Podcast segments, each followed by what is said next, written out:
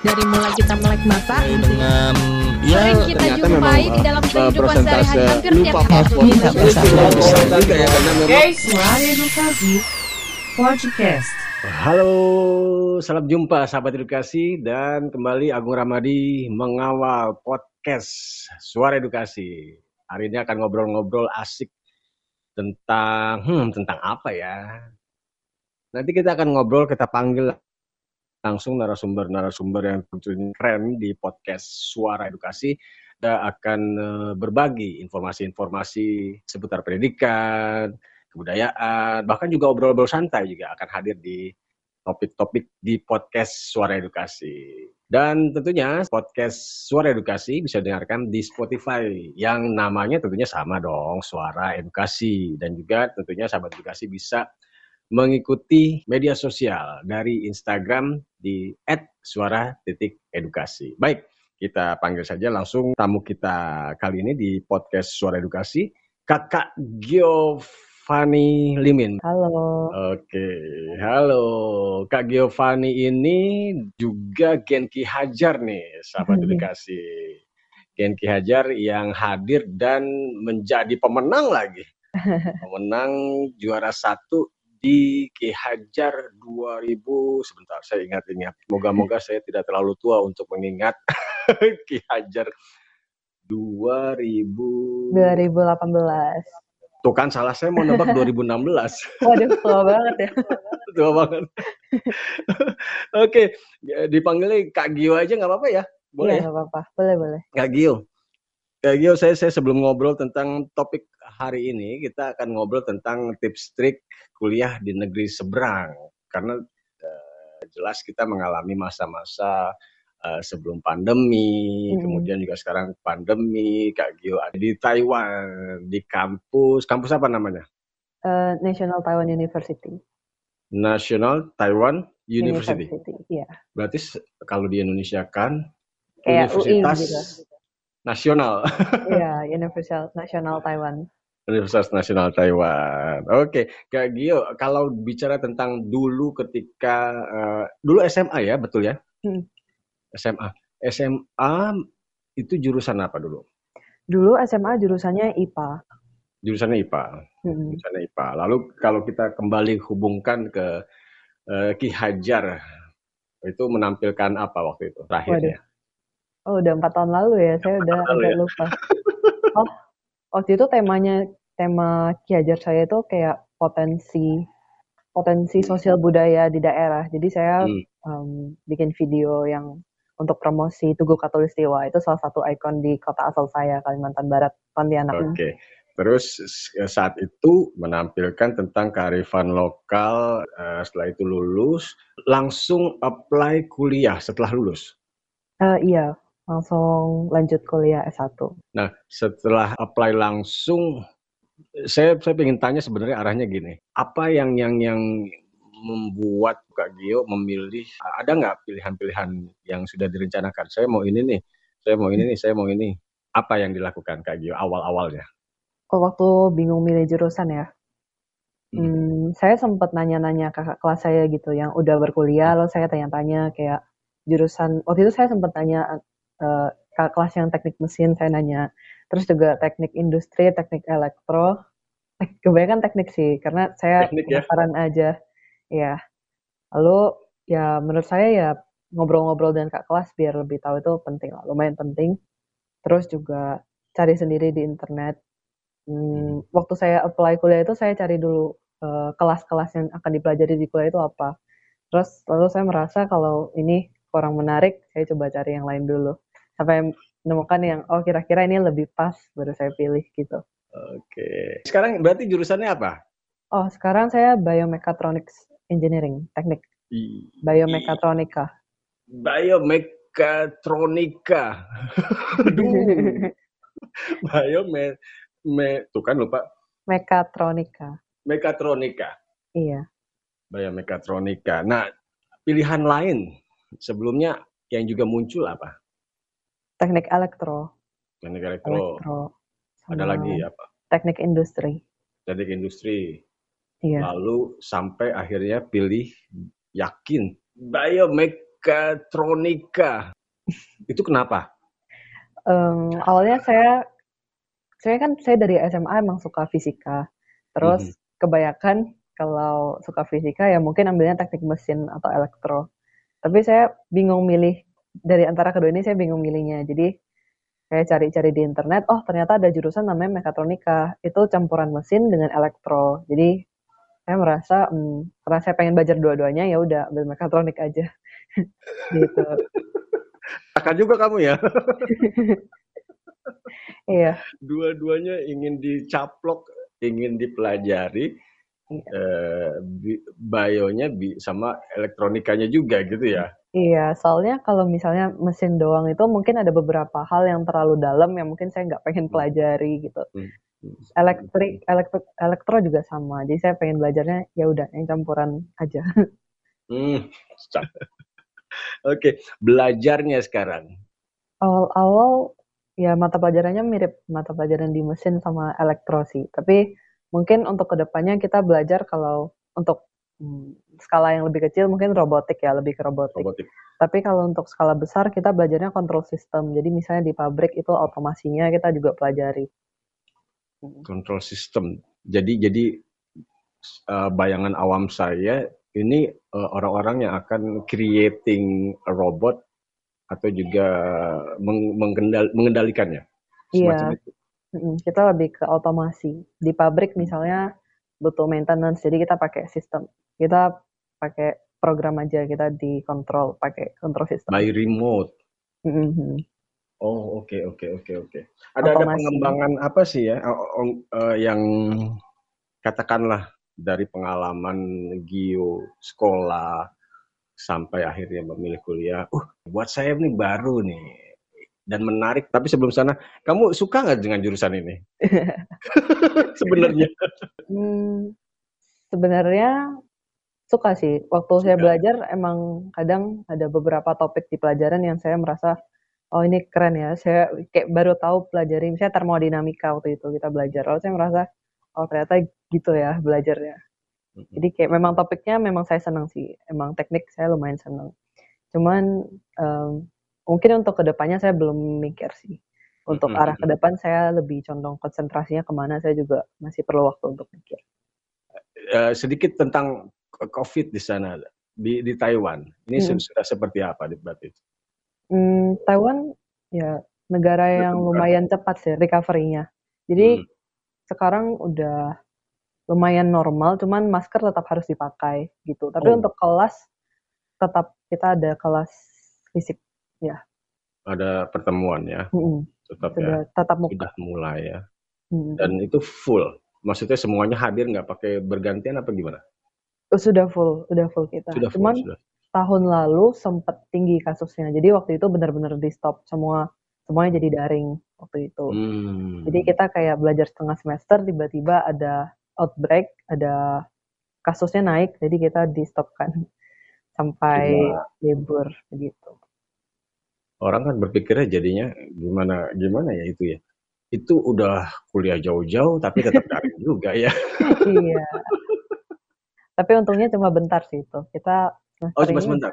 iya cuma sebentar, cuma dua bulan tiga bulan gitu. Oke. Mm-mm. Sip. Kalau bicara tentang teman, pertemanan dari ini ini kamu sendiri yang yang dari Indonesia ada nggak teman dari Indonesia lain? Oh kebetulan di sini lumayan ramai sih. Jadi Banyak ya? kita iya lumayan ramai. Jadi untuk angkatan saya sendiri kayaknya ada 40-an atau 30-an orang dari Indonesia. Dan satu kelas. Oh gitu. enggak, jurusannya beda-beda. Kalau di jurusan Beda. saya cuma saya Jurusan sendiri. Cuma sendiri. Yang seangkatan, tapi kelas saya yang Indo ada empat orang. Oh, artinya saya ingin mengajak obrolan. Awalnya kamu nggak nggak banyak kendala ya untuk untuk untuk sebuah pengumpul komunal gitu ya. Ada ya teman-teman Indonesia ya. Iya, ada teman-teman Indonesia. Lumayan Hmm. enak lah. Lumayan enak di awalnya ya. Dan dan perkuliahan bahasanya apa yang digunakan? Di perkuliahan, kalau di Perkuliahan. kelas gurunya pakai bahasa Mandarin. Kayak Pakai bahasa Mandarin. Iya, lalu karena teman-teman saya juga kebetulan angkatan saya dikit eh, murid internnya Kayaknya cuma saya Oh. dengan satu teman Malaysia, satu orang Malaysia. Jadi juga ya harus ngomong Mandarin. Tapi kadang Inggris juga mereka bisa kok. Di mix gitu kali ya berarti ya kalau dalam Iya, kuliah. iya. Oh, oke oke oke. Misalnya misalnya kamu ingin bertanya ke guru atau ke teman-teman Mhm. atau di luar lah, di luar jam kuliah ingin mampir ke minimarket membeli sesuatu pakai bahasa Mandarin gimana? Eh, ambil barangnya lalu kasih ke kasir itu kita nggak usah ngomong. Paling kalau misalnya ditanya, ditanya apa ya? Um, fa piao yao in ma itu artinya struknya mau di print nggak? Jadi yao itu mau Boyong xie gak usah makasih gitu. Pusing nggak sih? Maksudnya kamu belajar dulu apa gimana? Oh iya sih, saya memang dari SMA ada pelajaran bahasa Mandarin di Hmm. sekolah, tapi ya masih jauh, masih harus belajar banyak sih sebenarnya. Harus Jadi belajar banyak. lumayan ada kendala bahasa juga waktu datang. Hmm, hmm, hmm. Tapi artinya sebenarnya gini ya, kalau kalau dari pengalaman saya dan juga banyak teman-teman yang juga berkuliah di luar, ya beberapa bulan saja kita bisa adaptasi ya, benar ya, untuk Benar, untuk benar. mengerti obrolan penduduk lokal, teman-teman baru gitu kan, namanya juga bisa juga ya. Hmm. Oke, karena saya ingin ngobrol tentang ada berapa siswa mahasiswa yang yang kalau di satu kelas sana berarti teman kamu. Hmm, kelas saya 40 sekian orang. Eh, iya 45, 46 gitu. Jurusan saya lumayan kecil sih, jadi ya Banyak besar juga ya, banyak juga ya segitu ya. Nggak apa, saya pikir hanya 20 gitu, ternyata banyak ya. Oh, enggak sih, masih Nah, lumayan. itu secara fisik kuliahnya ada 40 praktek-praktek nggak sih? Oh ada ada, itu laboratorium. Kalau empat, Laboratorium. iya, kalau muridnya cuma 40-an orang, kita pakai kelas biasa sih, yang meja papan tulis di depan, proyektor gitu. Hmm. Prakteknya apa? Em, semester ini saya ada praktek electronics, Hmm. jadi ya di lab electronics. Kalau dari tinggal menetap, Kak, kamu tinggal di mana? Ada sebuah dorm atau tempat asrama atau atau- ada iya. ya? Sekarang tinggal di dorm di asrama di dalam kampus sih. Oh di dalam kampus. Hmm. Oke. Nggak nggak nggak sulit dari dalam akses berarti ya udah langsung ya keluar udah langsung ya. Iya, tapi Iya. kita karena kampusnya lumayan luas, jadi pakai sepeda. Kita beli sepeda Pakai waktu sepeda ya? sini. Iya. Kalau enggak, aduh, pas pindah kelas pusing. Cuma 10 menit, terus jauh. Banyak yang menggunakan transportasi sepeda sana. Iya, banyak banget. Banyak ya. Iya. Tempat-tempat apa yang yang, yang asik dikunjungi dekat-dekat gitu di, di sepeda? Kamu favorit di mana? Ke mana? Hmm, di dekat kampus saya ada namanya taman umum ya, taman publik, taman publik. Itu biasa pagi-pagi kalau pengen olahraga boleh ke sana, sepeda. Terus juga ada apa ya, Riverside. Itu enak juga sepedaan. Mm-mm. Mm-mm, Sore-sore gitu. Riverside tuh. Biasanya ada angsa gitu-gitu yang terbang. Iya, kumpulnya kita kasih makan. Itu kalau boleh ya. Karena suka ada aturannya jangan kasih makan. Iya. Eh, enak juga ya membayangkannya dan juga apalagi suasana sudah mulai terbuka ya. Yang menetap di dorm itu banyak Indonesia juga ya. Eh, lumayan. Itu campur Lumayan sih. ya. Kita campur dengan anak-anak lokal juga. Ada ospek gak di sana? Ospek ya. Ospek nggak ada, tapi kita ada apa namanya? Orientasi. Orient, iya orientasi. Cuman waktu itu saya pas datang ke sini itu kan pas awal pandemi. Jadi kehambat dengan karantina dan lain-lain. Karena saya datangnya Iya. juga telat. Saya telat dua minggu datang ke sini. Jadi saya nggak Eh, ikut. Di, di tahun berapa bulan apa pertama datang itu? Ingat nggak? 2000, 2020 deh harusnya. 2020. 2020 Bulan Oktober. bulan Eh, Oktober. September Ini akhir. Oktober. iya mulai COVID setelah Juni kan ya kalau kalau di Iya, Indonesia ya setelah Juni iya. mulai mulai agak turun Oktober walaupun masih ada Delta itu Delta ya masa-masa Delta ya Iya. Waktu Delta juga di sini naik kasusnya.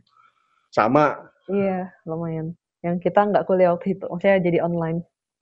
oke eh, kalau dari makanan sekarang makanan apa yang favorit untuk jajan dulu deh di sana apa Untuk jajan. Di sini ada namanya scallion pancake. Menurutku mirip itu, mirip martabak telur di Indo. Iya ya Tapi beda sih. Jadi ya itu adonan kayak adonan gitu dimasak, ada telur. ritme martabak telur Ya mirip martabak telur. hmm, enak tuh namanya apa tadi Eh, scallion pancake. Apa pancake daun bawang, scallion, scallion. Kalian. Ya, scallion pancake. Mandarinnya Chung Yoping. Apa, Son? Chung Yoping. Sung Yopin. Harganya berapa, Gio? Harganya di sini paling 20.000 rupiah. Rupiah. Porsinya Ya, lumayan lah buat sekali snack. se, se burger gitu. Eh, iya, burger. Dia soalnya pipih, agak pipih gitu. Jadi burger lebih lebih gede deh. Iya. Bener-bener seperti martabak ya? Eh, enggak juga sih. Tapi juga yang ya? mirip lah, mirip. Mirip-mirip ya. Mm-mm. Rasanya apa? Rasanya asin, ada telur. Asin. Bisa dikasih topping, bisa dikasih sambal. Oh, bisa kita pilih gitu. Iya. Itu tempat tempat jajannya di mana? Eh, Banyak bisa didapati atau gimana tadi untuk menu tadi? Cake itu. Lumayan banyak sih. Jadi kan emang Taiwan terkenal sama night market ya, yang selin di Indo juga banyak cabang-cabang gitu. Yang jajanan Taiwan. Jadi memang di dekat sekolah juga ada em, night- semacam night market dan banyak ruko-ruko jualan makanan gitu. Jadi tinggal keluar jalan bentar udah sampai. Udah langsung dapat jajanan. iya. oh iya, iya. Gil, kamu biaya sendiri apa beasiswa nih? Eh, beasiswa, puji Tuhan beasiswa. Beasiswa. Hmm. Beasiswa untuk tuition fee, jadi kayak uang sekolahnya digratisin. Oh iya, kalau bahasa Inggris kan ada misalnya tes IELTS. Kamu tesnya apa Mm-mm. berarti? Em, waktu itu sebenarnya untuk daftar sendiri kita nggak perlu tes bahasa sih waktu itu. Yang butuh tes bahasa Hmm. waktu itu untuk pengajuan visa, izin ke luar negerinya perlu. Iya. Jadi kebetulan waktu itu saya daftarnya jalur rekomendasi kepala sekolah. Jadi em, pengajuan data pribadi kayak isi data pribadi, lalu kita mungkin tulis esai gitu ya. Nanti disediain topiknya kita tulis esai, upload rapot, terus Hmm. ya udah tunggu pengumuman. Sebenarnya juga saya nggak tahu itu apply beasiswa karena waktu waktu diterima baru dikasih tahu dapat beasiswa gitu loh. Jadi sebenarnya Ternyata bukan- apply gitu ya. Iya. Jadi kayak daftar daftar univnya terus nanti dia yang pilih dapat beasiswa atau enggak gitu. Saya daftarnya begitu. Hmm, berarti tetap belajar atau juga ada tes bahasa Inggris, Ada tapi itu pernah ikut. bukan jadi pertimbangan. Iya. Boleh dilampirkan sih, tapi nggak wajib. Tapi Ada waktu itu tes? saya lampirkan. Boleh dilampirkan. Iya, boleh dilampirkan. Bahasa Mandarin ada tes juga? Ada ada tesnya. Namanya apa tuh kalau bahasa Mandarin berarti tesnya? Jadi kalau tergantung sih. Kalau bahasa Mandarin yang dari Taiwan itu namanya TOCFL. TOCFL. Test Apa? of TOCFL. Jadi itu Test of Chinese for Foreign Learner. Iya. Kalau untuk Hmm. mainland China itu HSK. Karena aksaranya Oke. beda kan. HSK. Iya, HSK. Oh, untuk mainland. Berarti dua sertifikat itu atau atau seperti apa? Atau nama lain saja itu? Beda tes sih, karena beda penyelenggara juga. Beda, Beda formatnya juga. Terakhir kamu saya ingin ke tempat selain tempat jajanan, tempat hiburan bioskop gitu. Bioskop udah buka juga belum sana? Bioskop sudah buka. Sudah buka ya. Iya. Jaraknya jauh tempat-tempat seperti itu. Mall gitu. Ada nggak sih sana? Oh, ada. Hmm, bioskop untuk yang kecil ada dekat ada dekat sekolah sih. Tapi yang ungkut yang besar mungkin agak jauh, naik MRT. Tapi pernah kamu sana? Hmm, saya cuma pernah yang ke sekolah, yang dekat sekolah sekali aja. Eh, biaya hidup di sana mahal nggak sih? Hmm, eh, saya karena kebetulan Jadi di ibu kota. rupiah ya. Iya, karena saya kebetulan di ibu kota ya lumayan mahal sih. Terutama untuk makan, makannya lumayan mahal. Mungkin kalau makan di luar sekolah itu satu satu kali makan minimal 50.000 ribu. Kalau makan di luar sekolah. Tapi untungnya di sekolah juga ada sediakan kantin gitu. Jadi kalau kantin pasti lebih murah. Mungkin bisa jadi 30.000 ribu, 20.000 ribu gitu. Bisa dapat sekali makan. Dapat menu apa dengan biaya segitu? Kalau yang di kantin itu kita sistemnya kayak prasmanan. Jadi kita ambil nasi, ambil sayur, terus ditimbang. Jadi kita makannya sesuai timbangan. Lumayan lengkap sih lauknya kayak. Iya, ditimbang. Apanya yang ditimbang nih? Maksudnya piringnya? Apa kamu memegang piring lalu dipegang? ini ngantongin berapa ayam, berapa telur gitu-gitu ya? Iya, piringnya ditimbang bareng lauk-lauknya yang diambil tadi. Agak-agak agak nggak biasa di luar kebiasaan gitu ya. Iya, benar. Kalau saya jadi berpikirnya, ih curiga banget ngaruh ayam di bawah nasi gitu kan, kondangan gitu ya. Iya, Itu yang yang di kampus ya? iya. Sip. Biasanya kamu pilih menu apa? Hmm, saya pilih yang simple-simple aja sih. Paling sayur. Oh, di Taiwan banyak banget sayur kol. Mungkin dia penghasil Sayur kol. Terus paling ambil ayam, telur. Masak pernah masak sendiri? Oh, pernah. Waktu itu kan sempat. Boleh nggak sih? Oh, di dorm boleh, tapi nggak boleh di kamar. Harus ke dapur. Di kitchennya ya. Iya, di kitchennya. Sama-sama gitu. Hmm, boleh sama-sama sih. Tapi waktu itu saya sendiri. Tapi sempat bareng teman juga Oh. sih. Eh, sebelum kita sampai ke bagian terakhir ke pesan-pesan, ini kamu sampai berapa tahun berarti? Eh, S1 ya berarti hitungannya ya? S1. Berarti masih ada dua tahun lagi. Dan eh, rencananya akan kalau dari sisi ini kan berarti kan banyak lebih keterapan ya Gio ya. Iya. Apa apa apa eh, yang jadi katakan tesisnya atau atau skripsinya apa kira-kira? eh itu belum saya pikirin sih. Mungkin tahun depan udah harus dipikirkan. Iya. Saya sementara masih bingung antara energi, apa energi terbarukan ya. Antara energi, industri energi atau mau biomedik sih. Sekarang masih bingung. Bio Biomedis. energi terbarukan tuh keren tuh ya karena sekarang lagi tren is apa ya energi Iya. terbarukan ya bicara tentang pemanfaatan ya apa aja dari sampah juga bisa kan Hmm. dari dari daya alam yang seharusnya memang kalau di Indonesia udah udah harusnya dari dulu sudah populer. Iya. karena negara-negara lain sudah memulainya. Lebih dulu tapi tidak apa-apa. Ditunggu eh, Giovanni Limin. Kamu mau pulang apa mau mau sana? Kan mau menetap di sana nih. Dapat pasangan di sana nih. Sekarang Pulang sih ya? belum ada rencana tetap di sini sih. Mungkin kemungkinan besar masih pulang sih. Oke oke Gio. Eh, terakhir untuk eh, untuk pendengar yang ingin tentunya ingin lah banyak yang ingin kuliah di luar negeri yang secara basic apa sih yang harus disiapkan misalnya ya, ya mungkin keuangan pasti kesiapan Hmm. apa apa lagi yang, yang, bisa bisa muncul dan bisa jadi pengalaman ini kan sudah panjang juga kamu ngalamin gitu ya apa Hmm. kira-kira singkat untuk untuk pendengar podcast suara edukasi Em, mungkin lebih ke mindset ya. Mungkin bisa lebih terbuka. Karena kita ke negeri orang juga kan culture-nya berbeda dan kita sebagai pendatang ya harus menghormati budaya mereka juga. Jangan merasa kayak mungkin oh ini berbeda nih sama di Indo terus kita malah nganggapnya mereka aneh gitu. Itu kita yang harus adaptasi dengan mereka bukan kita yang ngejudge ngejudge terus gitu sih dari aku. Iya, benar sekali ya. Lebih ke eh, interaksi berarti ya. Mm-mm. Interaksi awalnya bahwa kita ada di rumah orang gitu ya. Iya bener banget. Oke, Giovanni Limin dari National University Taiwan. Terima kasih banyak jurusan Iya terima kasih juga. biometronika. Biomekatronics. Tuh kan salah kan? Aduh, biomekatronik. Mekanya nggak ada di sini. Mekatronik, mekanik dan elektronika berarti ya. Iya. Mekatronika. Eh, terima kasih sudah berbagi, mulai dari makanan, kemudian juga biaya hidup, sampai harus ditimbang segala makanannya itu juga share. Dan juga semoga sukses untuk studinya, Terima untuk kasih. berbagi dan juga tentunya tetap sehat ya Amin ya. Belajar di sana di Taiwan. Salam sehat terus, salam dari podcast Suara Edukasi. Bye bye. Bye bye. Makasih Kak Agus.